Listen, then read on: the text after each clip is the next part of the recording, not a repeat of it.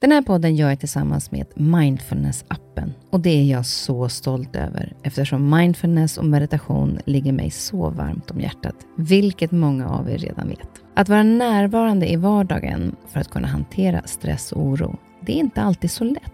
Då kan man ha mindfulness-appen nära till hands för att hjälpa dig när du behöver. För mig kan det vara så till exempel när det gäller sömnen, att vissa dagar då har jag riktigt svårt att komma till ro. Framför allt när det är mycket med jobbet. Då brukar jag använda mindfulness-appen och avsluta dagen med en avslappningsövning för att sänka stressnivån. Det gör det så mycket lättare för mig att somna sen. Oavsett om du kämpar med sömnlöshet, stress eller bara behöver en stund för dig själv så har Mindfulness-appen verktygen för att hjälpa dig att slappna av och sova bättre. Appen är utformad för att passa in i din livsstil med korta övningar som passar även de hektiska schemana. Som lyssnare till Nyfiken på så får ni 40% rabatt på prenumerationen av Mindfulness-appen. Länk till erbjudandet ja, det hittar ni i poddens Instagram, kaspersen nyfikenpa. Eller så går ni in på themindfulnessapp.com kristin. Du lyssnar på en podd från Perfect Day. Det här som jag var i precis innan min olycka, när jag också var på toppen av min karriär.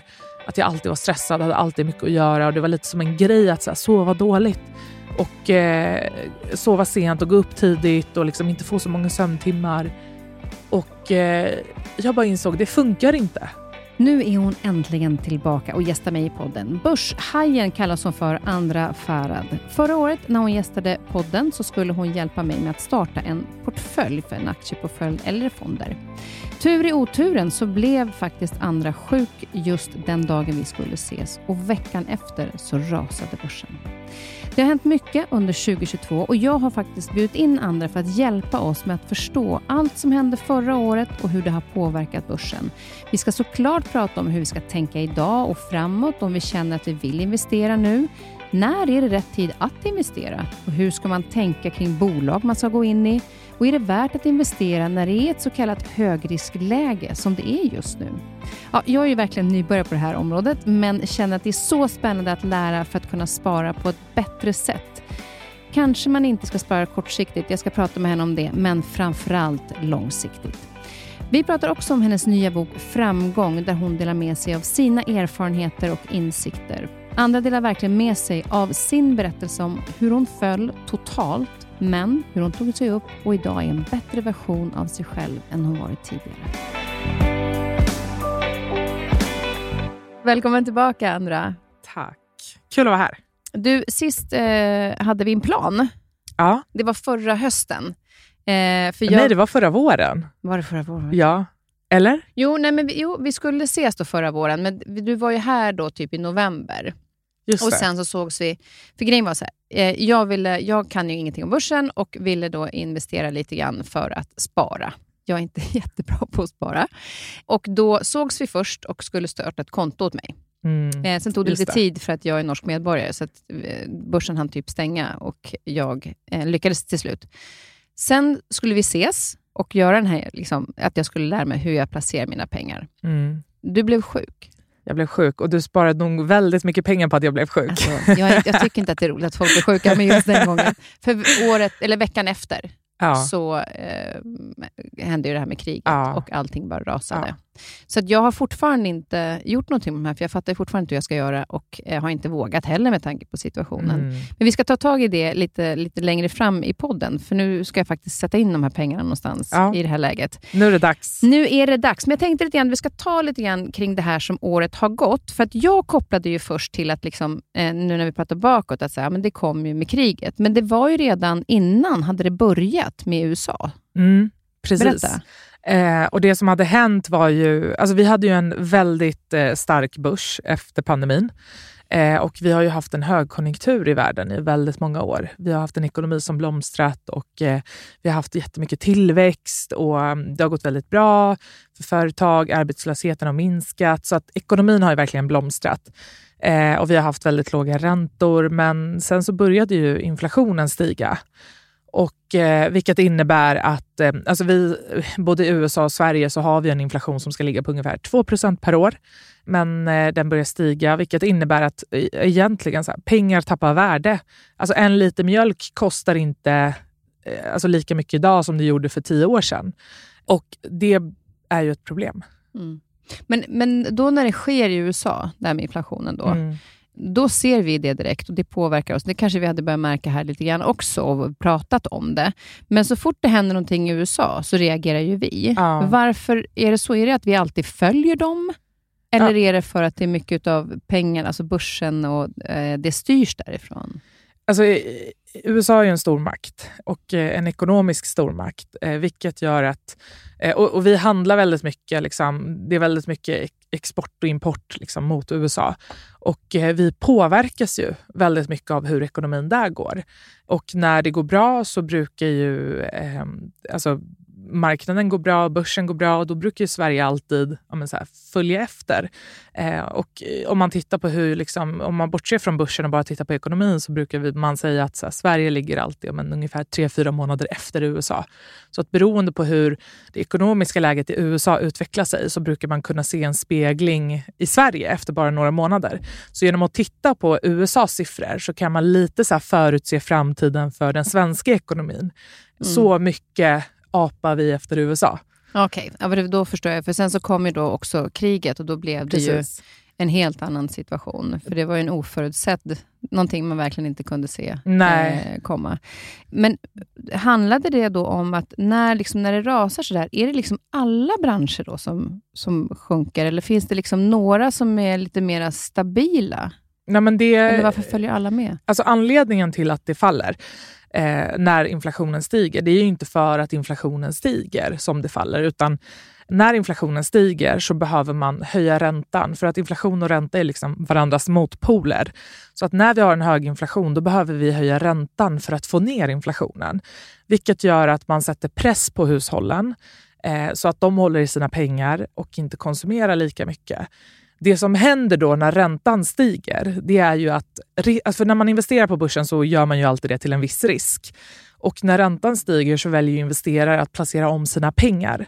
Så att då plockar man ut pengarna från börsen och eh, sätter in dem på något räntekonto för att då har man en avkastning men till mycket lägre risk. Och när man börjar plocka ut pengarna från börsen, det är då vi ser de här nedgångarna. Och sen så kommer ju kriget och då faller ju det ytterligare och när det faller som det gör, då påverkar det ju alla branscher. Så att alla branscher påverkas, men det finns vissa branscher som klarar sig bättre. Och det är ju oftast de branscherna som, ja men, alltså de branscher som brukar gå sämst, det är ju alla typer av branscher som har det här som vi egentligen inte behöver. Allt som är så här, nice to have. Vi pratade lite innan vi började spela in om renoveringar. Ja, men den typen av bolag brukar gå sämre. Bilindustrin går mycket sämre. Eh, reseindustrin går sämre. Just för att så här, när vi har en ekonomisk press så prioriterar inte vi den typen av ja, men, saker. Utan då håller vi oss till det som vi absolut behöver och som är mest nödvändigt. Ett boende, tak över huvudet, mat, mediciner. Och det är också de branscher som också brukar klara sig bäst i en kristid. Mm. Men, men då också under den här tiden, så har du, jag tänker just när du berättar eh, när inflationen och då räntan och så börjar folk konsumera mindre. Vilket gör att det är många företag då som också går sämre för Precis. att vi konsumerar mindre. Ja. Men alltså jag för, ibland förstår jag inte den där ekvationen riktigt. Nej, och det, det är ju precis så. Och, eh... Vill vi att det ska gå, alltså, dämpa alltihopa? För det blir ju ändå att då är det ju många som går i konkurs. Då mm. liksom blir arbetslösheten större. Alltså det blir ju en sån enorm snöbollseffekt på något sätt känns det som. Ja, och det gör ju det. Men jag tror att så här, konsekvenserna av att ha en hög inflation är värre. Så att det man gör är att absolut, man sätter press på ekonomin för att liksom, få ner inflationen. Men konsekvenserna av det blir ju oftast att man går in i en lågkonjunktur. Och Det som händer i en lågkonjunktur det är ju precis som du säger att företag tjänar mindre pengar för vi konsumerar mindre de varslar och många blir arbetslösa. Och då går vi in i en lågkonjunktur där många får det ekonomiskt alltså väldigt, väldigt tufft. Mm. Men det man också ska komma ihåg, även om det låter jätte, jättedeppigt, det är ju att ekonomin går i cykler. Så att det är eh, en negativ cykel vi befinner oss i nu. Men de cyklarna brukar i snitt vara på ungefär 25 månader.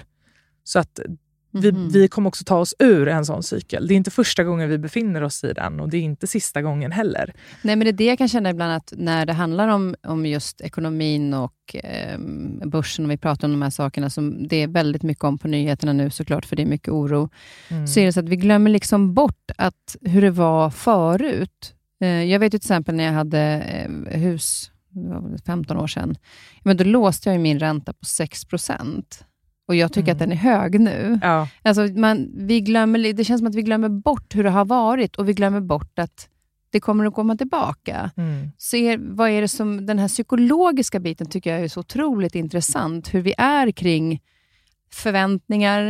Eh, när man hör då, ja, som du säger, USA, ja, men då följer vi dem och då får vi olika förväntningar. Och så tror vi att det är en sanning redan. Mm. Hur ska vi liksom hantera det här med ekonomin och just våra egna psyko, den psykologin i oss själva för att inte ha för mycket oro? Men jag tror att det är, det är naturligt att känna oro, eh, särskilt i dessa tider när allt är ja, men så osäkert. Och jag tror att mycket också... eh, Alltså vi kommer från några osäkra år med pandemin. För att när pandemin kom var det lite som att köra in i en så här tjockdimma och inte riktigt veta vad som finns på andra sidan. Och sen gick pandemin amen, över och eh, då kom vi in i nästa kris. Och jag tror att man måste förstå att så här, världen och framförallt ekonomin är i ständig förändring. Det är någonting som inte är liksom, det är ingenting som är permanent eller konstant utan det, det förändras hela tiden och ekonomin styrs av saker och ting som sker i världen. Eh, det styrs av politik, det styrs av krig, det styrs av ja, men, så här, räntor och oljepriser. Alltså, det är hela tiden saker som gör att det liksom bildas svarta svanar på börsen. Och eh, Jag tror bara att man måste så här, ha med sig det att det handlar inte om att försöka förutse framtiden och inte, alltså för att känna trygghet. Man kommer aldrig kunna göra det. Det var ingen som kunde förutse att vi skulle gå in i en pandemi eller att det skulle komma ett krig precis efter. Men jag tror att för att känna den här tryggheten så behöver man bygga en ekonomi där man har utrymme för det oförutsedda. Och jag tror att det är där man måste börja. Och Det är lite grann det här, när, också här, när, när det går väldigt bra i börsen, och då är man så här, ja fast jag väntar. Det Ja. kanske kan gå lite bättre. Det kanske går lite Blir vi liksom giriga också i det här? Vi blir absolut giriga och jag tror att eh, det som är väldigt mänskligt i det här, ska jag säga, det är ju att göra precis tvärt emot det man bör göra. Det vi oftast gör är ju att köpa när det är väldigt dyrt, eh, vilket vi såg precis efter pandemin när börsen stod ja, men i princip på toppen. Då var det ju rekordmånga nya investerare eh, och jättemånga som startade ett aktie och fondsparande. Men sen när börsen går ner, vilket egentligen är då man bör köpa, då får ju många panik och säljer. Så att vi gör lite så här tvärt emot det man egentligen bör göra just på grund av att vi är människor, vi har känslor och vi eh, är inte rationella.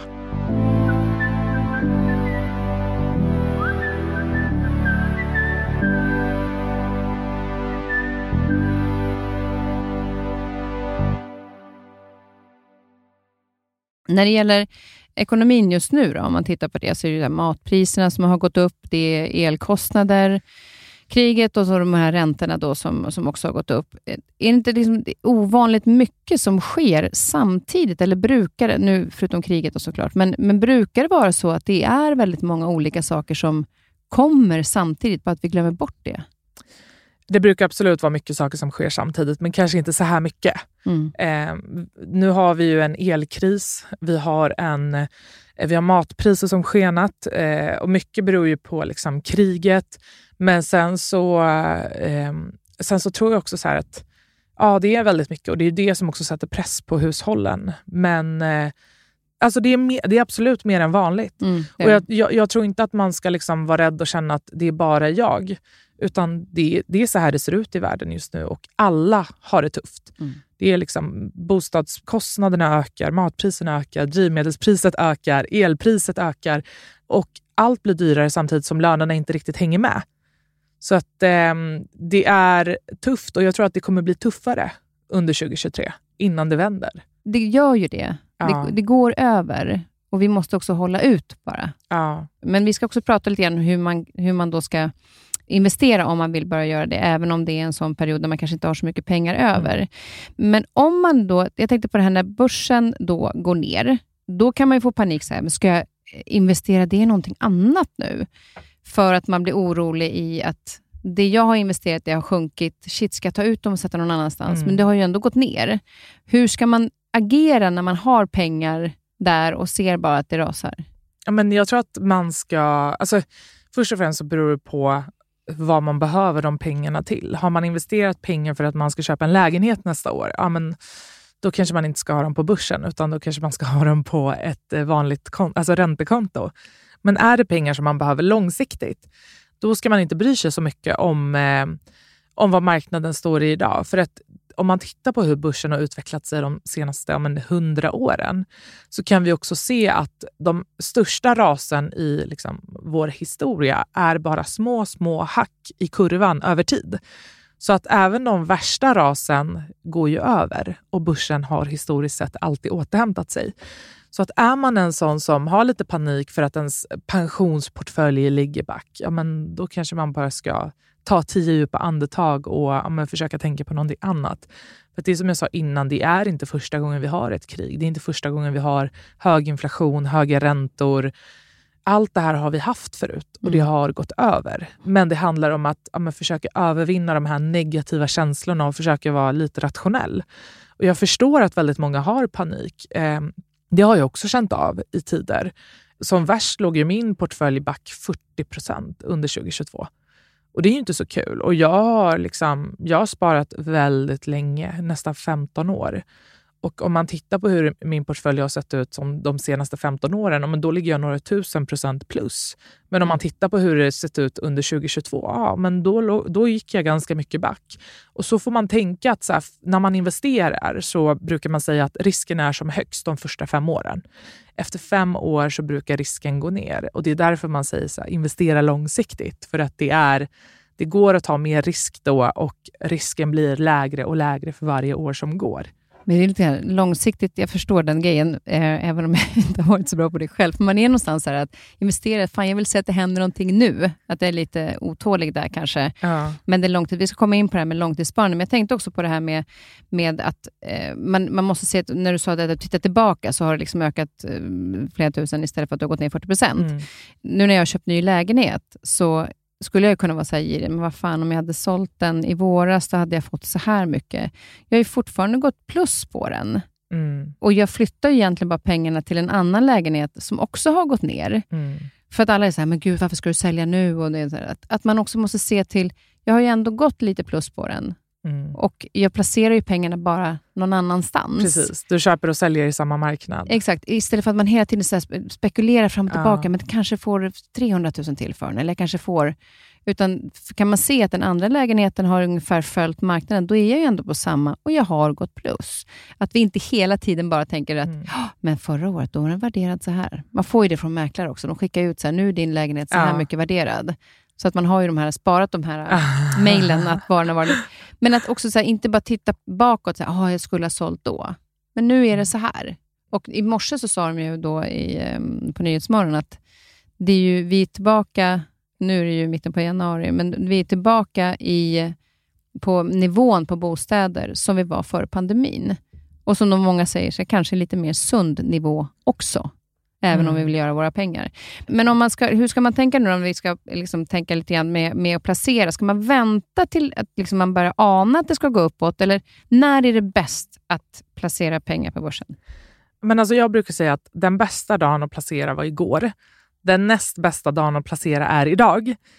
Och Man behöver inte tänka så mycket på att tajma börsen. Det är ju ingen som vet när det vänder.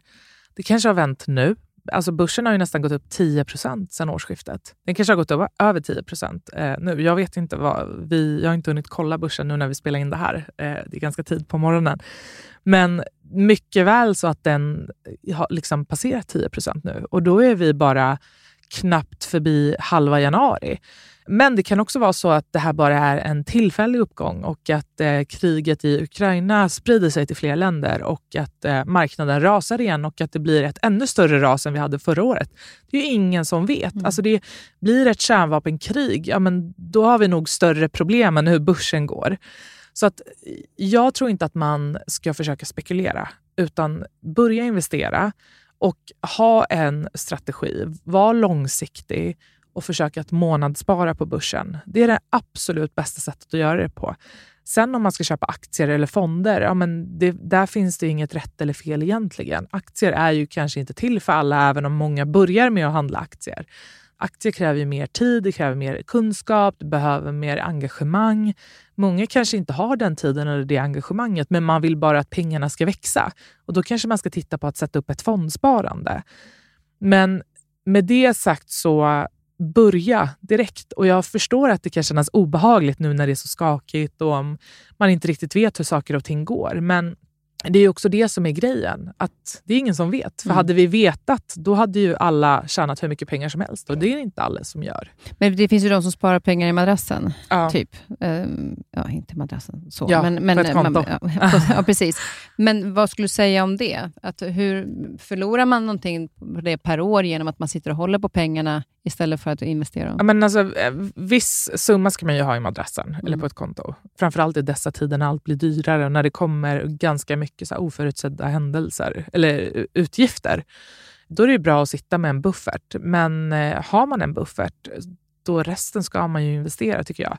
För vi har ju också en inflation som ja, men, är på nästan 10% i Sverige. Så att pengar, om pengar har tappat i värde förut så tappar de ju ännu fortare i värde idag. Mm.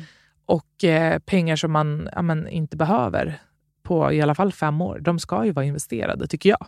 Och Du sa förra gången du var här att man skulle placera, då, som du sa nu, på ett konto som man har för de här oförutsedda händelserna. Vad, vad, liksom, vilken typ av procent av sin, brukar du tänka att man ska ha där, av sin exempel årslön? Men Det där är väldigt individuellt. Det beror ju helt och hållet på vad man har i utgift varje månad.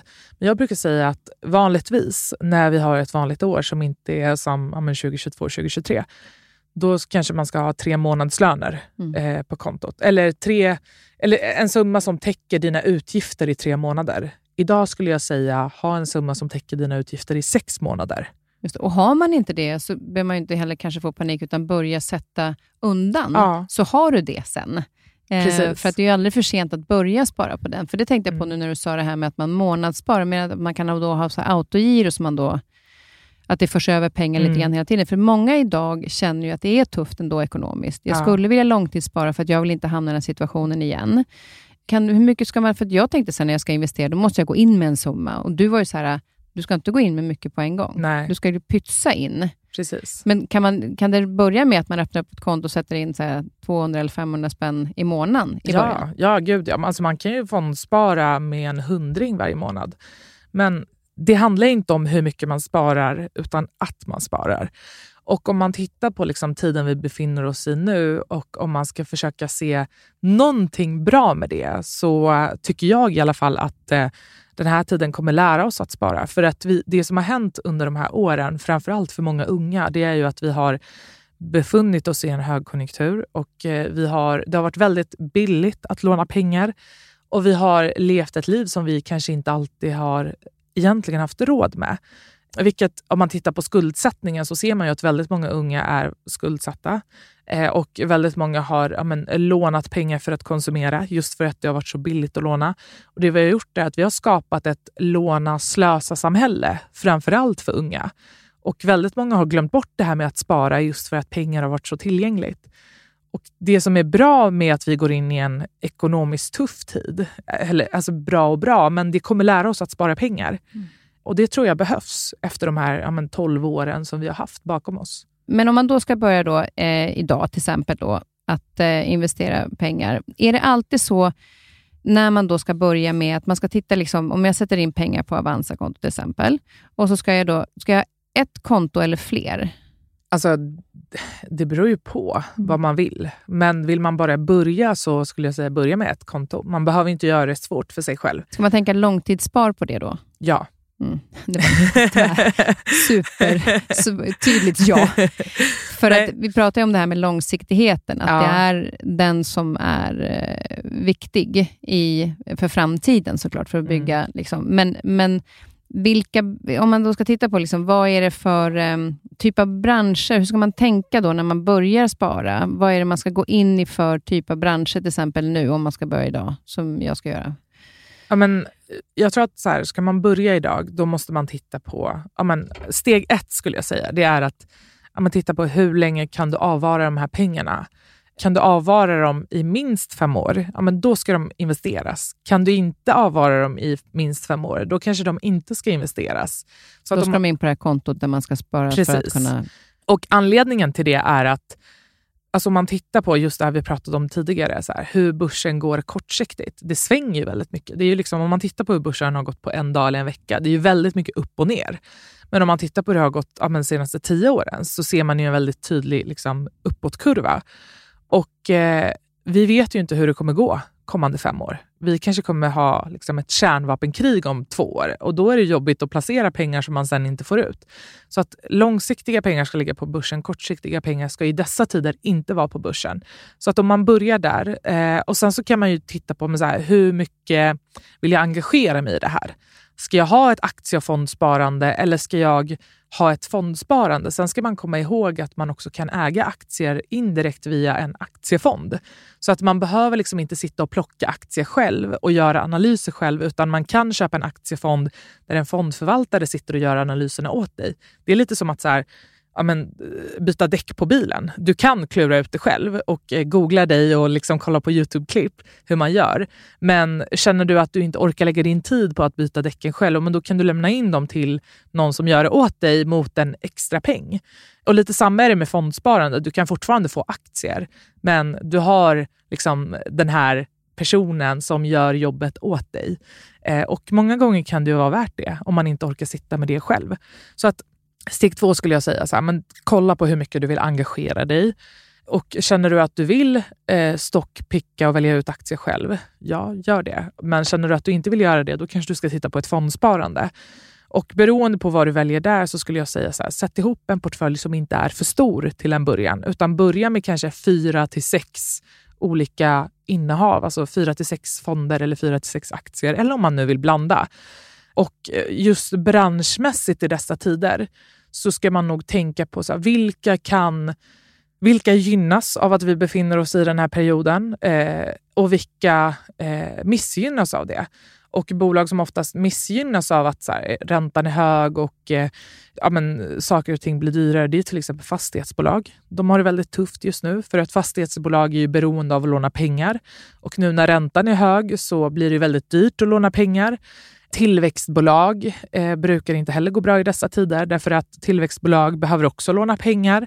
Och eh, när de kanske inte lånar lika mycket för att räntan är så hög så kanske tillväxten minskar och de behöver växa organiskt, vilket kanske tar lite längre tid. Då drar sig investerare ur. Bolag som brukar gå bra det är ju trygga, stabila företag. Företag som oftast kanske inte har en jättestor kursökning men som har en utdelning. Ett exempel på ett sånt bolag är till exempel Telia. Telia är ju ett eh, så klassiskt utdelningsbolag. Man köper inte det för att man tror att kursen kommer gå upp med 50 procent, utan man köper ju Telia för att man vet att ja, det är ett stabilt företag. De har en bra utdelning mm. och det är en bra, ett bra bolag att ha i portföljen. Sen är inte det här någon köprekommendation, men det är ju ett exempel. Eh, och lite så får man ju tänka när man sätter ihop en portfölj nu. Så här, vilka branscher går mindre bra i dessa tider, de, de kanske man liksom ska hålla sig ifrån. Sen finns det branscher, till exempel också så här, ba, hela bankindustrin. Tjänar, alltså, banker tjänar sjukt mycket pengar nu när allting är så här dyrt. De tjänar pengar på utlåning, de tjänar pengar på inlåning, de tjänar pengar på liksom allt. Och om man tittar på hur banksektorn har gått det här året så har de också gått väldigt, väldigt bra. Så att man får liksom försöka ställa sig själv frågan, så här, vilka tjänar pengar i dessa tider? Mm. Men, kan, då kanske det är de bolagen man ska äga. Och sen ja, men allt det här som är nice to have men som inte är ett måste. De branscherna kanske man ska försöka undvika.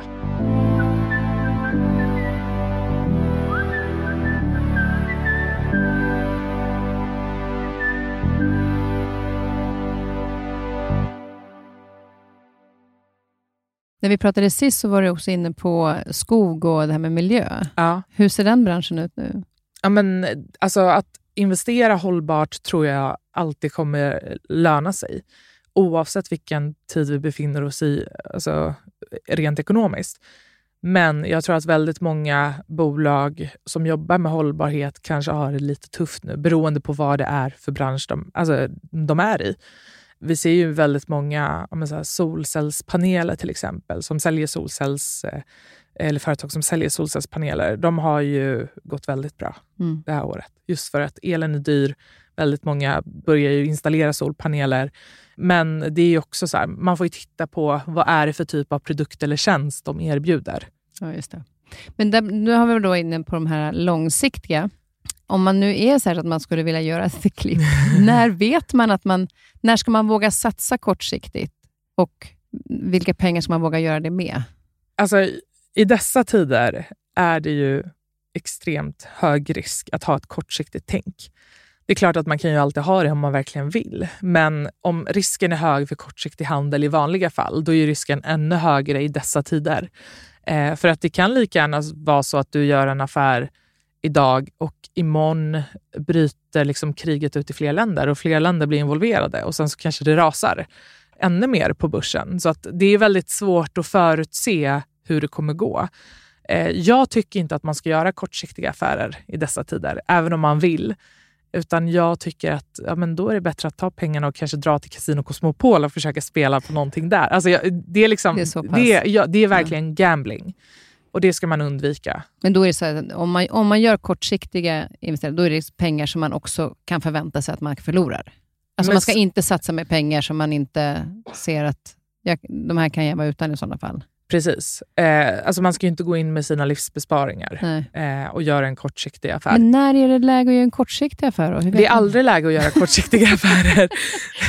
Men alltså, om vi går tillbaka till det här med känslor och människors tålamod, så vill vi alltid, alltså, vi vill alltid tjäna mycket pengar på kort tid. Men ju kortare tid det är, desto större är risken. Så att det går, men då tar du också en mycket, mycket större risk än om du har ja, men, ett sparande som sträcker sig över fem år. Men ska man också vara väldigt kunnig kanske i det här då, i olika branscher och så vidare och kanske man hör om något företag som är på väg upp eller medicinering som är på väg upp, som har kommit och som görs, alltså så att man har lite koll på... Ja, alltså där, jag, jag tycker du säger en väldigt vanlig men farlig sak. Okay. Eh, och Du säger så här, om man hör att ett bolag är på väg uppåt. och Det är just det här med, återigen, då går vi tillbaka till det här med spekulationer. För det är ju så här, alltså många förlorar ju väldigt mycket pengar på att köpa bolag som de hör saker om. Jag brukar tänka så här att jag investerar i bolag. Alltså jag skulle aldrig gå in och köpa en lägenhet som jag inte har sett för att jag har hört att den är bra. Utan jag vill ju alltid gå in och se lägenheten. Jag vill liksom kolla i vilket område den ligger.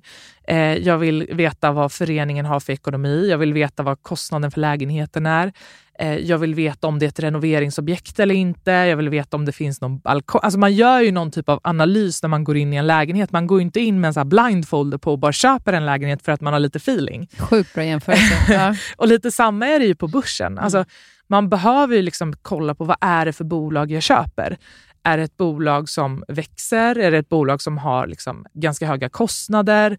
Vilka är det som styr bolaget? Eh, hur ser framtidsutsikterna ut? Hur ser branschen ut? Och eh, lite samma analys som när man köper en lägenhet behöver man ju göra. Man behöver liksom lära känna sitt bolag. Jag brukar jämföra det med att dejta. Alltså man, man går ju inte bara ut och liksom hoppar in i en relation med vem som helst, utan man försöker lära känna den personen. Och lite samma är det på börsen. Du måste liksom dejta bolagen du investerar i. Så att gå på vad någon annan har sagt eller vad någon annan tror på, ja det kan man göra, men du kan också liksom få en riktig så här, bottennapp, heter det så? så att det bästa är ju alltid att göra en egen analys, att eh, köpa bra bolag och behålla dem. Mm. Det är den absolut bästa strategin över tid. Att investera i bra bolag och månadsspara och göra det över tid. Det ska vi eh, göra om en liten stund för min del. Då. Jag ju, tittade ju in på Avanza nu, att jag hade det var ju ett år sedan jag satte in de där pengarna. Och de har gått upp, har de... jag, jag, har två konton, de har gått upp två kronor. Men det, de har i alla fall gått upp. Ja. De här två, konton. två kronor var jag tjänat på, på ett år på de där. Men, men det är som sagt, jag har inte placerat dem än, utan de ligger bara där på. Det finns någonting, vi pratade på telefon häromdagen inför vi skulle ses idag, så pratade du om lite olika risk, eh, risker, alltså hög marknadsrisk, bolagsrisk, branschrisk risk till exempel. Eh, om vi tar hög marknadsrisk, vad är det? Alltså när man investerar på börsen, så precis som jag sa tidigare, så gör man det alltid... Alltså det kommer alltid med en risk. För att det tryggaste, som, eller det många tror är det tryggaste, det är att ha pengarna på ett konto eller i madrassen. Att investera pengar kommer alltid med en risk. Och eh, vanligtvis så finns det ju en generell marknadsrisk, eh, vilket vi ser just nu när det är så mycket som händer i världen. Det är ett krig, det är liksom hög inflation, höga räntor och då spelar det ingen roll vilken marknad det är, om det är USA, eller om det är Sverige eller om det är Tyskland. Alltså, hela världens marknader är påverkade av det som sker. Det är liksom en generellt sett högre marknadsrisk just nu än när vi befinner oss i en högkonjunktur där ekonomin blomstrar och där allting går superbra och där börsen bara liksom ökar och företag växer och tjänar mycket pengar och anställer. Ehm, så att när jag säger att det är en hög marknadsrisk just nu så menar jag så att oavsett vart man placerar de pengarna så är risken lite, lite högre just nu. Sen finns det, och det här beskriver jag också väldigt mycket i min första bok, Haja börsen, eh, som jag skrev förra året. Eh, det finns någonting som kallas för eh, bolagsrisk, eh, som är eh, en risk kopplad till ett visst bolag. Till exempel ja, men Tesla eh, har ju en bolagsrisk på så sätt att Elon Musk är en viktig person. Skulle han avlida eller någonting skulle hända honom så kanske det skulle påverka Teslas aktiekurs för att han är en så viktig spelare för bolaget. Och då är ju det en bolagsrisk kopplad till liksom Tesla och Elon Musk. Om han skulle avlida så kommer det inte påverka Volvo till exempel, utan det påverkar bara Tesla. Så att den risken är kopplad till det bolaget. Sen finns det någonting som kallas för branschrisk eh, och det såg vi till exempel under pandemin. När eh, reseförbuden kom och människor inte kunde flyga, då påverkade hela flygindustrin. Då spelar det ingen roll om du är Norwegian eller SAS, utan hela branschen påverkas av att pandemin kom. Och det är ju så bransch, alltså en branschrisk. Så att när man investerar så behöver man alltid titta på så här, vad finns det för risk för just det bolaget? Vad finns det för risk för branschen? Finns det någon generell marknadsrisk just nu? Och det är just lite så man tänker när man gör en analys. Just det, så, så de grejerna är viktiga att ha koll på när Precis. man ska investera. Eh, så vilken är viktigast nu då, när vi ska eh, sätta in mina pengar nu? Vilket, det, jag tycker det är risker överallt, men det är då att kolla när vi, jag ska placera pengar, så är det liksom kolla att jag inte går in i branscher som är riskgrupp just nu. Precis, eh. och den generella marknadsrisken. Ja. Eh, men för dig tänker jag främst ett fondsparande mm. och då kanske man inte är så beroende av ett bolag. När du köper en fond då får du automatiskt tillgång, om du till exempel köper en aktiefond, då får du automatiskt tillgång till ja, men, minst 30 olika aktiebolag. Så genom att köpa en enda fond så får du liksom en ganska stor riskspridning. Det och det, det, är väl det man inte ska, man ska inte lägga allting i samma korg, Nej, utan man ska precis. sprida ut. Eh, så att det finns en, en mm, utspridd risk. ja. inte liksom, för, det, eh, för det är det, alltså, många tror ju att investera på börsen handlar om att jaga avkastning. Mm. Men det gör ju inte det. Och det är oftast de personerna som bränner sig och förlorar väldigt mycket pengar, det är ju de som jagar avkastning. Att investera på börsen handlar hela tiden om att minimera risken. Att hela tiden göra placeringar till så låg risk det bara går för att över tid bygga en avkastning. Okej, okay. men du sa också när vi pratade på telefon att det finns att det är ganska ändå bra framtidsutsikter, mm. även om vi dagligen får rapporter om hur jobbet allting är och eländet och priser och allt, räntor och allt sånt där. Vad men, på vilket sätt har vi bra framtidsutsikter? Alltså när man investerar på börsen eller när man tittar på hur börsen går. Börsen är ju framåtblickande när man pratar om liksom det som har varit, då pratar man om statistik. Då har vi liksom siffror på hur det har utvecklat sig. Börsen är framåtblickande, vilket betyder att det vi ser, eller utvecklingen vi ser idag, är hur marknaden tror att det kommer vara om två, tre år. Så att, att börsen är positiv idag betyder att så här, marknaden har ja, men så här, bra förväntningar om framtiden. När börsen rasar så betyder det att så här, men, marknaden tror inte att det som kommer inom två, tre år kommer vara bra. Eh, så att börsen är alltid framåtblickande och eh, det som har varit spelar egentligen ingen roll och det som sker idag är redan liksom inpräntat i, i liksom där börsen står idag. Och det som liksom är upp eller ner, det är ju alltid så vad man tror om framtiden. Mm. Och Vad tror du då, om man tänker, om vi inte vi kan ju inte förutse om hur kriget i Ukraina eller sådana saker som pandemier och sånt där, det kan vi inte förutse. Men hur skulle du säga, kommer börsen vara liksom mera stabil låg under, för du sa att det här året kommer också bli tufft, Mm. eh, 2023. Vad är det i det som är tufft? Är det att det kommer ligga kvar lågt och att vi får vänta på att det börjar stiga igen? Eller kommer det gå ytterligare ner? Nej, alltså när jag säger att det kommer vara tufft 2023 så syftar jag främst på att jag tror att vi kommer ha en inflation som fortsätter stiga, Eh, i alla fall första halvåret eh, av 2023. Vilket gör att räntorna kommer nog fortsätta höjas eh, och många kommer få ännu tuffare liksom, rent ekonomiskt. Eh, sen tror jag att vi kommer nog gå in i en lågkonjunktur där väldigt många, alltså många bolag som hade det tufft under pandemin men klarade sig eh, från en konkurs kommer nog gå i konkurs nu. Alltså för att man har liksom inte det andrummet att hålla ut i så många år. Så att jag tror att så här, den här konkursvågen av småföretag har inte kommit än, men den tror jag att vi kommer se under 2023. Och hur kommer Eh, det påverka? Det kommer ju leda till att det blir en högre arbetslöshet. Många storföretag varslar. Det såg vi ju redan i november, december att många, många stora e-handlare varslade för att alltså, de omsätter inte lika mycket. Människor konsumerar inte på samma sätt, vilket gör att de drar ner på personal så att arbetslösheten stiger. Men jag tror samtidigt att börsen kommer nog vara lite mer stabil i år än vad den var förra året.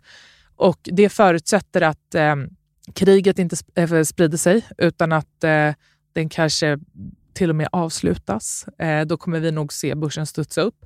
Men så länge kriget inte sprider sig till fler länder så tror jag ändå liksom att det kommer vara okej. För att marknaden har ju någonstans också räknat med att det här kriget ska fortsätta under det här året. Eh, så att det är ju redan inprisat i aktiekurserna idag. Sen tror jag att eh, nu har vi ju börjat se inflationen gå ner i USA. Igår eh, kom eh, senaste inflationssiffrorna för december där inflationen ligger på 6,5 procent, vilket är den lägsta nivån på ett år. Eh, och där har vi ju sett en minskning på inflationen de senaste sex månaderna. Så att det är ju verkligen så här, ja, men, en ljusglimt i en väldigt mörk tid. Och Sverige brukar ju alltid ja, men, ligga ungefär tre fyra månader efter USA. Så att piken, inflationspiken i USA var någon gång i, jag tror att det var september, oktober. Eh, Så att vi kommer nog se piken även i Sverige inom ja, men ett par månader i alla fall. Och sen tror jag att det i andra halvan av 2023 nog kommer vända neråt. Och Så sen, att, ehm, när, när eh, kan vi börja se ljusningen, i, alltså så att det börjar gå uppåt, att vi börjar, det är bättre tider? Hur lång tid framåt? Är det ett par år eller är det... Nej, jag, tr- jag tror att, eh, nu är det ju bara spekulationer, Ja. som sagt, här, ingen vet vad som sker, men eh, jag, tror att, eh, eh, jag tror att räntorna kommer fortsätta upp första halvåret och sen så tror jag att inflationen kommer stabiliseras och kanske vända ner och sen så, kommer jag, just så tror jag att vi kommer se eh, Riksbanken sänka räntan under 2024, början på 2024. Så att 2023 tror jag blir ett fortsatt tufft år. Men jag tror också att det är någonstans här det kommer pika och sen vända. Så det gäller att hålla ut Precis. och komma ihåg att det blir bättre Ja. efter att det har varit sämre.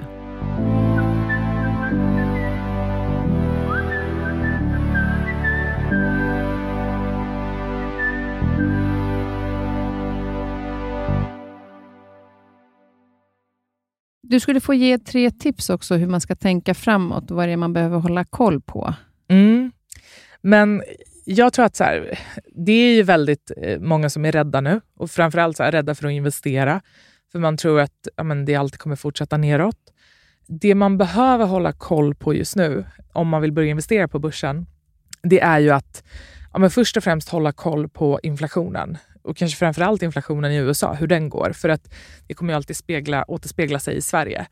Så att håll koll på inflationen och se hur den utvecklar sig håll koll på liksom kriget och hur det går. Att det inte så här, ja, men, sprider sig till fler länder. Och sen håll koll på arbetslösheten. Och arbetslöshetssiffrorna brukar också presenteras i USA. Eh, och, och, det här är ju så här Men enkelt. det är ju, ja, just det, är ju Och- USA, tänker jag. ja, men Vi följer dem. vi följer dem. Ja. Men det här är ju liksom ingenting, när jag säger så här, hålla koll, det är ingenting man behöver liksom Alltså, det räcker med att man följer ekonominyheter i svensk media. Det rapporteras ju stä- ju ständigt om hur det går i USA och då vet man att så här, men, alltså, det är någon, man får någon hum om hur det kommer gå i Sverige kommande månader. Bra, för då tänkte jag så att vi, det var du som kom med den här idén att eh, lägga ut det här tipset och då tänkte Mm. jag att då, jag lägger ut det på Instagram, så, så kan ni kolla där och vill ni då, eh, har ni inte lyssnat på avsnittet så kan man göra det såklart eh, flera gånger om man missar någonting. Men sen pratade vi också om, och du var snäll och föreslog att vi skulle, eh, om lyssnarna har Mm. frågor. Så att jag tänkte att jag gör ett jättetydligt inlägg i, för det beror, ibland kan man ju lyssna på det här avsnittet om tre veckor, typ. Men då kan man se en ruta där det står frågor till andra Mm. om eh, börsen.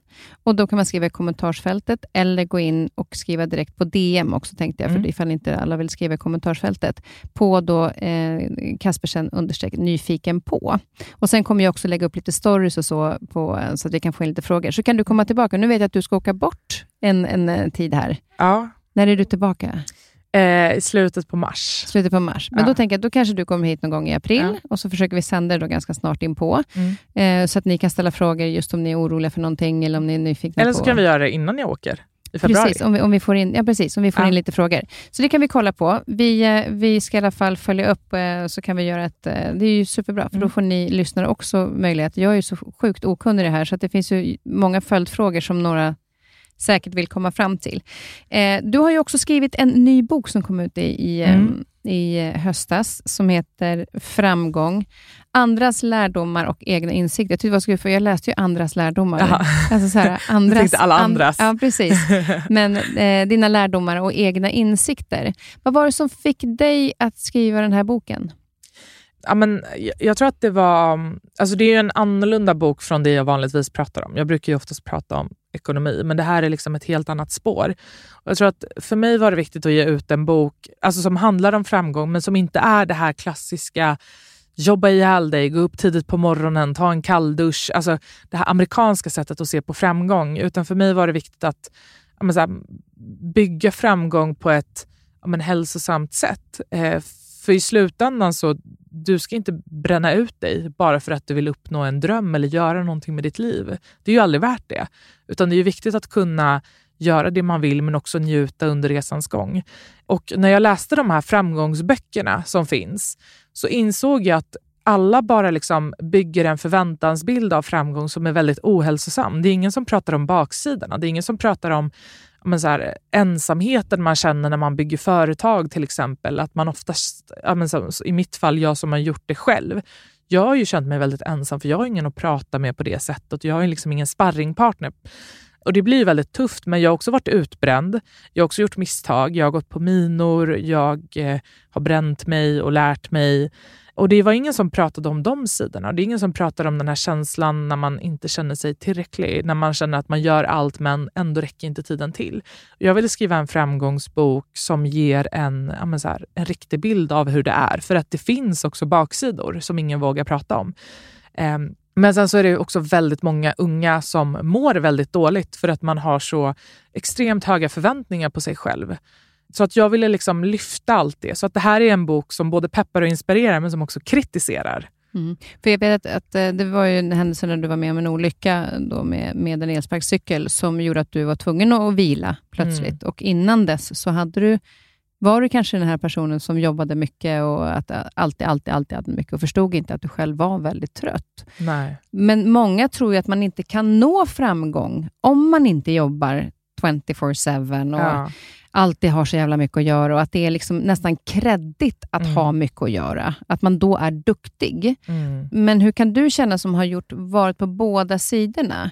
Hur, hur påverkas din framgång av att du har tänkt till och inte har alltid så jävla mycket att göra? Mm. Alltså jag kan ju säga så här, jag har aldrig varit så produktiv som jag är just nu.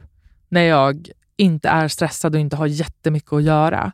Och jag gör mer saker, jag gör bättre saker, men jag har också tvingat mig själv att så här, prioritera mig själv och vila. och eh, Känner jag att det blir för mycket en period, men då tar jag ledigt två, tre dagar. Och Det är ju förmånen man har som egen företagare, att man kan styra över sin tid. Men det här som jag var i precis innan min olycka, när jag också var på toppen av min karriär, att jag alltid var stressad, hade alltid mycket att göra och det var lite som en grej att så här, sova dåligt och eh, sova sent och gå upp tidigt och liksom inte få så många sömntimmar.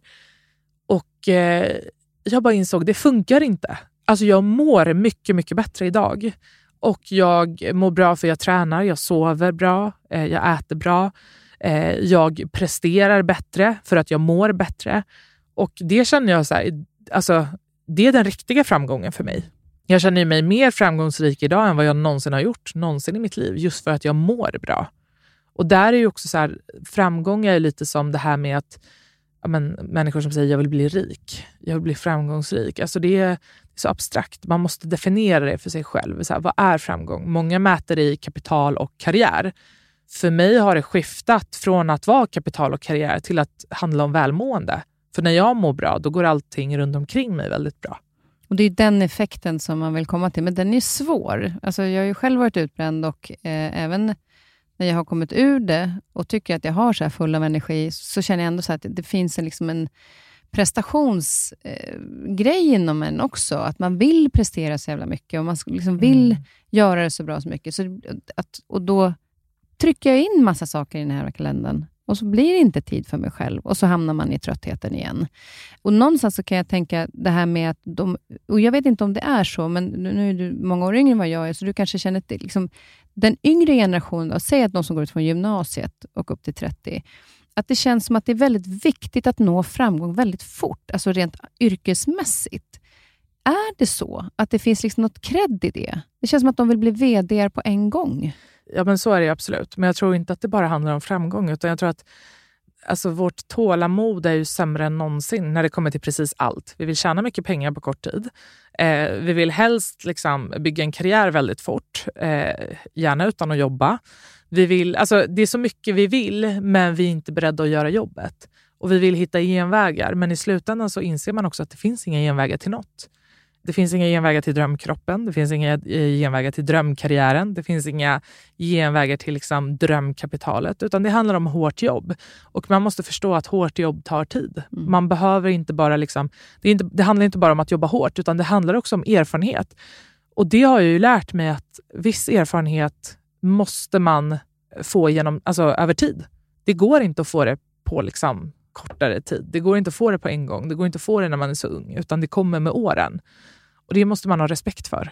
Och Där hade du eh, i boken eh, också skrivit igen hur du har gjort för att... För det, vi pratade innan podden började, att och du också är en prestationsmänniska. Mm, eh, att, att, ja. Och Jag tycker inte att det är så konstigt. Vi, genom skolan och, och liksom, när vi gör saker, vi spelar fotboll och gör mål, så får vi beröm när vi presterar. Så mm. det, det, är ju hela tiden att vi ofta får beröm. Så det blir ju klart att det blir fokuserat på att vi blir, vill prestera, för att då får vi bekräftelse.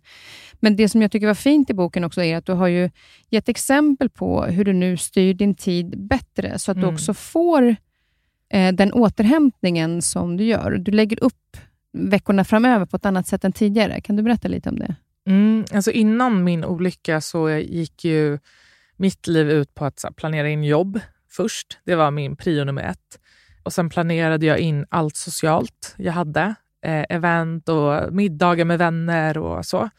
Och sen i sista hand så kom ju tiden för mig själv, vilket var noll. Det fanns ju ingen tid kvar när jag hade planerat in liksom allt jobb och allt socialt. Men efter min olycka så lärde jag mig att vända på pyramiden och att först och främst planera in egen tid. Planera in tid för träning, tid för återhämtning och sen planera in jobb och sen planera in det sociala. Och Det som har hänt är att jag har fått dra ner det sociala ganska mycket. Men jag har också insett att jag hade ett extremt liksom, alltså, intensivt socialt liv. Och jag hade nog inte förstått hur mycket det var förrän jag började vara med mig själv. Och Det här har gjort att jag har hittat en så inre harmoni som jag alltid har sagt att nej men jag har inte det där. Jag har inte det här inre lugnet. Men jag har liksom hittat det när jag nästan är 30 år gammal. För att jag tillät mig själv att hitta det. Men Det är så roligt att du säger det, för att det här med inre lugnet, det kan, det, man kan ju bli lite rastlös i början. Ja. Eh, jag vet inte hur du upplevde det. För det kom, kom, hittade du en behaglig känsla i lugnet på en gång? Nej, jag fick ju panik. Ja. jag tyckte det var sjukt jobbigt. Det var liksom första gången i mitt liv som jag hörde mina egna tankar. Och de är intressanta eller, eller väldigt jobbiga ibland? Nej, men alltså, jag visste inte hur jag skulle förhålla mig till dem. Mm. Jag var så här, oj, det pågår något i mitt huvud när ingen annan är runt omkring. Ja, men det är sjukt läskigt också. För att jag har ju alltid identifierat mig som en extrovert person. Jag har alltid tänkt att det är så jag får energi. Jag får energi av människor. Vilket till viss del stämmer, för jag älskar att träffa människor och det är därför jag har haft ett så stort socialt liv. Men när jag landade i det här lugnet, för först var det skitsvårt för mig att bara vara själv. Alltså att helt och hållet vara själv, inte umgås med någon, inte ringa någon, inte smsa, men alltså bara vara liksom så jag. Och Först hade jag ju alltid på musik hemma, för jag tyckte det var så jobbigt med den här tystnaden och jag bor ju själv. Men då blev det ju så igen att jag inte ens kunde tänka för att jag satt ju och sjöng med i låtar och liksom, alltså, man är ändå inte, man hittar inte det här lugnet. Och så testade jag att utmana mig själv och bara så här, nu stänger jag av musiken också. Nu ska det liksom bara vara helt tyst. Alltså jag fick panik. Det var så sjukt jobbigt, men jag fortsatte ändå att vara i det. Och Det började först med liksom tio minuter, en halvtimme per dag och sen nu alltså, kan vara i flera timmar. Jag var sjuk i, eh, precis innan nyår, och åkte på influensan och var liksom, kunde inte prata, fick en stämbandsinflammation. Jag var tyst i en vecka utan liksom, att prata med folk, utan att träffa folk och insåg att jag är inte en extrovert person. Jag är en introvert person, för jag får energi av att vara själv. Mm. Men jag har aldrig tillåtit mig själv att förstå det. Det är intressant. Att det, hitta nya sidor hos sig själv som, ja. som också är väldigt positiva för dig i allting du gör sen utåt. Mm. När, du, när du pratar om extrovert och introvert, är du, när du, det står lite grann om det här med, också det här med man presterar, hur viktigt det är att visa andra eller sig själv. Mm. Vad är det viktiga om du gör ett jobb? Är det att visa andra att det här var bra, eller vill du känna framförallt tryggt själv, nu har jag gjort mitt bästa och jag känner att det här blev bra? Mm, för Vad, mig själv. Mm. Och just för att, alltså, hade jag presterat för andra, då hade inte jag kunnat vara så här, ledig i två år. Och det var för att jag kände att jag behöver det. Jag måste. Och eh, för mig har eh, jag faktiskt, det där är jag väldigt glad att jag har haft och det är att jag aldrig jämför mig med någon annan. Jag är alltså, extremt tävlingsinriktad och jag tävlar bara mot mig själv. Jag vill alltid bli en bättre version av mig själv. Och det är väldigt, Jag vet inte varför jag har den eller hur jag har fått den egenskapen, men jag är väldigt glad att jag har den. För det är väldigt sunt att inte jämföra sig med alla andra. Kan du också när du har gjort något bra landa i det och vara där en stund, eller har du bråttom vidare sen? Nej, men jag har bråttom vidare. men det är, det är, bara för att så här, för mig handlar det inte om målet, utan för mig är det resan till målet. Det är där jag utvecklas. Mm. Så att när jag väl kommer till målet, då är resan redan avslutad. Och Där gör du också jättefina, eh, i något kapitel, där du, om man har ett mål, mm. hur man kan tänka framöver. Det påminner om det här NÖRA som jag lärde mig på eh, ledarskapsutbildningen, att man har ett nuläge, ett önskat läge, ja. hinder eh, och agera och så. så det, den är, det är väldigt många fina hjälpmedel i boken också, som du delar med av pyramider, så, man kan liksom, så att det blir också bildligt mm. eh, att förstå hur man kan lägga upp det för att nå den framgången som inte bara är jobbet, utan framförallt också framgången i sig själv. Mm. Och den som jag eh, personligen tycker är faktiskt den viktigaste. För som du säger, har du framgång i dig själv så blir ju förutsättningarna större att du ska lyckas med det du gör. Mm. Så en väldigt, väldigt fin bok. Jag tycker ja, eh, otrolig, ja, men och Den är så Tack. öppen och ärlig, vilket jag tycker är väldigt viktigt, att du visar mm. båda sidorna utav det. Eh, att man inte bara ser den här sidan som man ser, nu pratar man ofta om sociala medier, men att allting ser så himla bra ut. Det mm. är ju inte alltid så. Nej. Men där kan jag också känna att det är bra att visa baksidan ibland för att människor ska förstå.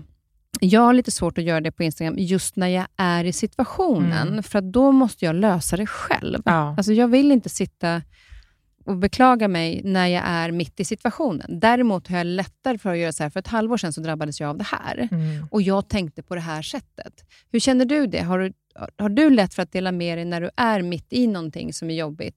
Eller så här efteråt, lämnar du det, tar du upp det sen? Det beror på vad det är. Mm. Jag tror att min ja, men, olyckan och allt det som hände eh, hösten 2019 för mig, det är nog ingenting som jag har kunnat öppna upp mig om in, alltså tidigare. Och Det var nog för att det var så mycket som pågick. Alltså, jag, hade, jag pratade med min psykolog om det, för att eh, det var första gången i mitt liv jag inte förstod mig på mina egna känslor. Och Då sa han det att vanligtvis så är vi vana att känna en eller två känslor. Vi kanske känner ilska och frustration eller så kanske vi känner liksom hopp och glädje. Men det var första gången jag hade 20 känslor i min kropp. Jag hade ju själv råkat ut för en olycka, satt i rullstol. Ehm, jag hade en relation eh, med en kille som jag avslutade som tog livet av sig en månad senare. Eh, jag hade fått skala ner mitt bolag. Jag, alltså jag, det var så mycket som hände så att jag kände så ilska, jag kände frustration, jag behövde läka rent fysiskt. Jag hade liksom något mentalt kaos jag gick igenom. Jag kände liksom skuld. Alltså, det var så många negativa känslor så att till slut så kände jag mig bara helt blank. Och Jag har aldrig känt den känslan och just där och då kunde inte jag prata om det. För Jag visste inte vad det var som pågick i mig själv. Annars brukar jag ändå eller jag tycker själv att jag är, ganska, jag är ganska lätt för att prata om saker när jag är i det. Mm. Men det var första gången jag kände att jag vet inte ens i vilken ände jag ska börja. Och samtidigt så skrev människor till mig på Instagram, för att då var det den här fasaden de fick se. De bara, vi har aldrig sett någon ta en sån olycka med en sån klackspark som du gör. Och jag bara kände så här, klackspark, jag håller på att gå sönder. Jag vet liksom inte ens vem jag är längre. Så att det var ju allt annat än en klackspark. Men just där och då så visste jag, alltså jag visste inte vad jag skulle säga, för jag visste inte vad jag kände. Jag var som ett tomt skal som bara gick runt. Och Vad skulle du säga att den perioden har gjort med dig idag? Alltså jag tror att den perioden alltså den formade mig till en ny människa. För mig finns det en andra innan olyckan och så finns det en andra efter den här olyckan.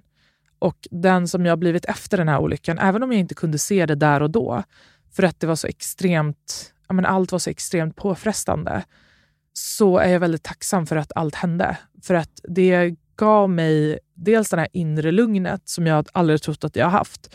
Men det har också gett mig ett självförtroende som jag aldrig haft. För att jag vet att efter det där, jag klarar av vad som helst. Eh, och det är jag väldigt tacksam över att kunna känna, inte bara liksom se, utan att ha den tron på mig själv och veta att oavsett vad som än händer så kommer jag hitta vägar framåt. Det är fint att du delar med dig för jag tror att många är rädda. Nu var det väldigt exceptionellt att det hände så många saker, men att man är rädd för motgång, eller man är rädd för att det här, alltså, att när man mår så dåligt, så dåligt, att det inte ska vända. Men att man också kan bli en bättre version av sig själv, mm. tack, alltså, egentligen tack, vare den erfarenheten man får, eller på grund av den händelsen som har varit, så är det väldigt mycket man kan få med sig av det. Lite grann som vi är i nu. Nu är vi i en tuff period, mm. Men när vi kommer ur det, så kommer vi förhoppningsvis vara en bättre version av oss själva efter den här ekonomiska situationen som vi är i.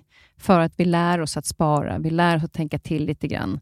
Så det är en väldigt fin del att du delar med dig, för jag tror att det kan inspirera många andra. Men Det hoppas jag. Och det är, även om det kan kännas som det när man är mitt i det, att så här, det här kommer aldrig gå över. Det här, mm. kom, det här har inget slut. Så inser man också att det har ett slut. Allt har ett slut. Mm. Även allt dåligt. Även om det inte känns som att stormen kommer gå över när man står där. Men den kommer gå över.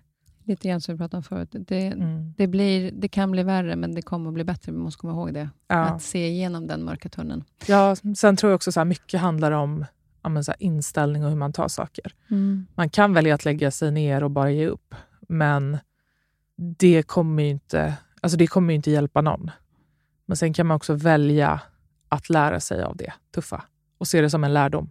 Och Det är där någonstans också det, det är så viktigt, då när man, som du pratar om, att du inte jämför med någon annan. För jag skrev ett inlägg som, som du kommenterade, som faktiskt var lite inspirerat av det när jag satt och läste din bok. Och Då var det just det här med att man, när man inspireras av andra och att det finns en möjlighet att vi eh, att se förbi det som är just nu för att vi ska orka längre fram. Mm. Att, man, att man hittar den här liksom en positivare tanke i det, men att det är viktigt att man ser att jag har vissa förutsättningar. Någon annan har andra förutsättningar. Men ansvaret, även om det är hur jobbigt som helst, ligger hos mig. Mm. Så även om det är pest eller kolera, så är det jag som behöver välja mm. vad jag ska göra. Och Då kan jag välja det som är lite bättre. Mm. Och att, och det, det, tycker jag är viktigt när man skriver till exempel på sociala medier, att det är ju mina förutsättningar som jag har. Jag vet att många andra inte har dem. Du har dina förutsättningar, men att det är fortfarande vårt eget ansvar. Om det så är bara att välja, försöka välja en annan tanke. Mm. Och Det är just det jag tror att det handlar om. Det är just tanken. Mm. För jag tror att oavsett vilken situation man befinner sig i, så går det alltid, alltid, alltid att hitta något positivt med det. Mm. Och i slutändan handlar det inte om hur du har det, utan hur du tar det. Och Det skriver jag också i boken. Och även när jag låg där på sjukhuset och kände så här, allt var piss. Jag eh, satt i rullstol, jag hade sju frakturer, jag hade liksom en tragisk relation som hade fått ett tragiskt avslut. Skalat ner mitt bolag, alltså min karriär var så här, jag hade ställt in föreläsningar till ett värde av 2,7 miljoner. Men du vet, så här, allt var dåligt. så lyckades jag någonstans hitta en ljusglimt i det. Jag låg på en avdelning för ganska allvarliga trafikolyckor. Och eh, jag var liksom den friskaste personen på den avdelningen. Det var jättemånga som hade fått ja, men, permanenta skador, skulle sitta permanent i rullstol och hade blivit förlamade. Och jag bara kände så här, jag kommer ställa mig upp ur den här rullstolen och jag kommer kunna gå igen. Och hur sjukt den låter så var det också det som ja, men, höll mig klar i huvudet. Mm. Att det här kommer gå över. Det här är inte en permanent skada. Det, här är, det är, det är inget permanent tillstånd jag kommer befinna mig i resten av livet, utan det kommer bli bättre. Och där hittar du just de här, dina förutsättningar i den situationen du var då. Så såg du möjligheter Medan en annan får titta på några av sina möjligheter, mm. som kanske hamnar permanent i rullstol. Men överlever. Men, men överlever ja. och ser någonting annat. Mm. Så det, det, är verkligen intressant det här med att man måste komma ihåg att allting är utifrån sina egna förutsättningar, men att det finns en väg framåt mm. och man behöver hitta den tron på det. Och framförallt ja. styrka, för oftast är det att när man är så trött, så är det svårt ibland att hitta styrkan till mm. att ens tänka den tanken. Mm. Men den kommer. Och det är ett val man gör. Mm. Man kan välja att tänka den tanken. Man kan också välja att tänka en dålig tanke. Och dåliga tankar skapar dåliga känslor. Så att om man mår dåligt så kan man fråga sig själv varför man gör det. Exakt. Men nu mår du bra. Nu mår jag jättebra. Nu mår du jättebra. Vad härligt. Finns det någonting som du är nyfiken på just nu? Ja, alltså jag har ju fått ett jättestort intresse för, eh, nu när jag börjat träna, för matlagning. Och eh, har liksom aldrig varit bra på det, men har kommit in i en period nu när jag är så jättenyfiken på matlagning och nya smaker och ja, men, att stå i köket. Och Jag tycker att det är väldigt meditativt. Vad härligt. Mm. Det låter, jag, jag, tycker det är så, jag tycker det är så coolt med någon som tycker om att stå och laga mat. Jag gjorde det förr. Jag vet inte om jag har lagat för mycket mat till barnen. och så, att Man liksom hamnade i en rutingrej. Ja. Men att komma in i att det är härligt. Mm. Har du börjat hitta nya så här, konstellationer också, så här, hur man sätter ihop olika kryddor tillsammans? Ja, men det, jag börjar göra det.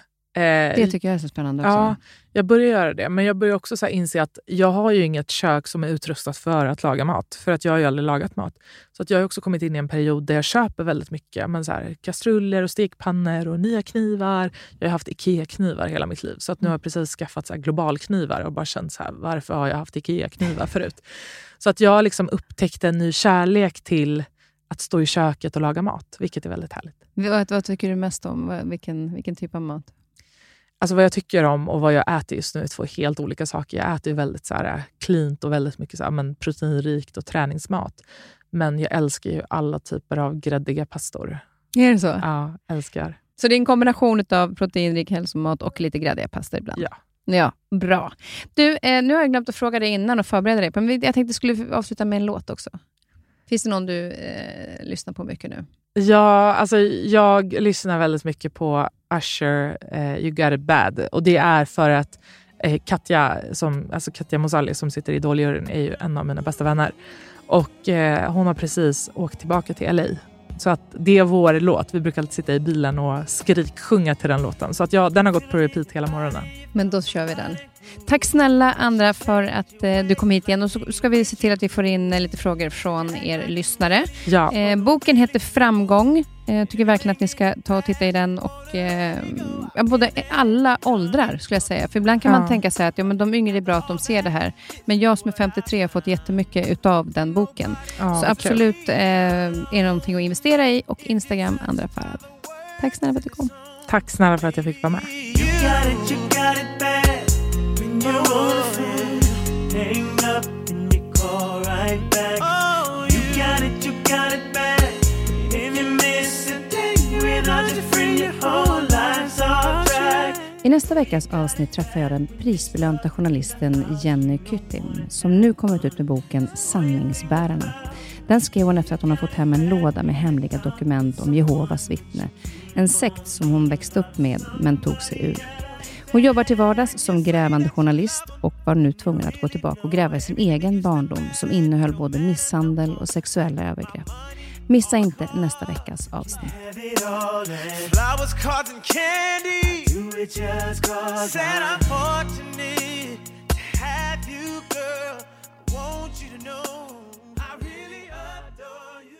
Den här podcasten är producerad av Perfect Day Media.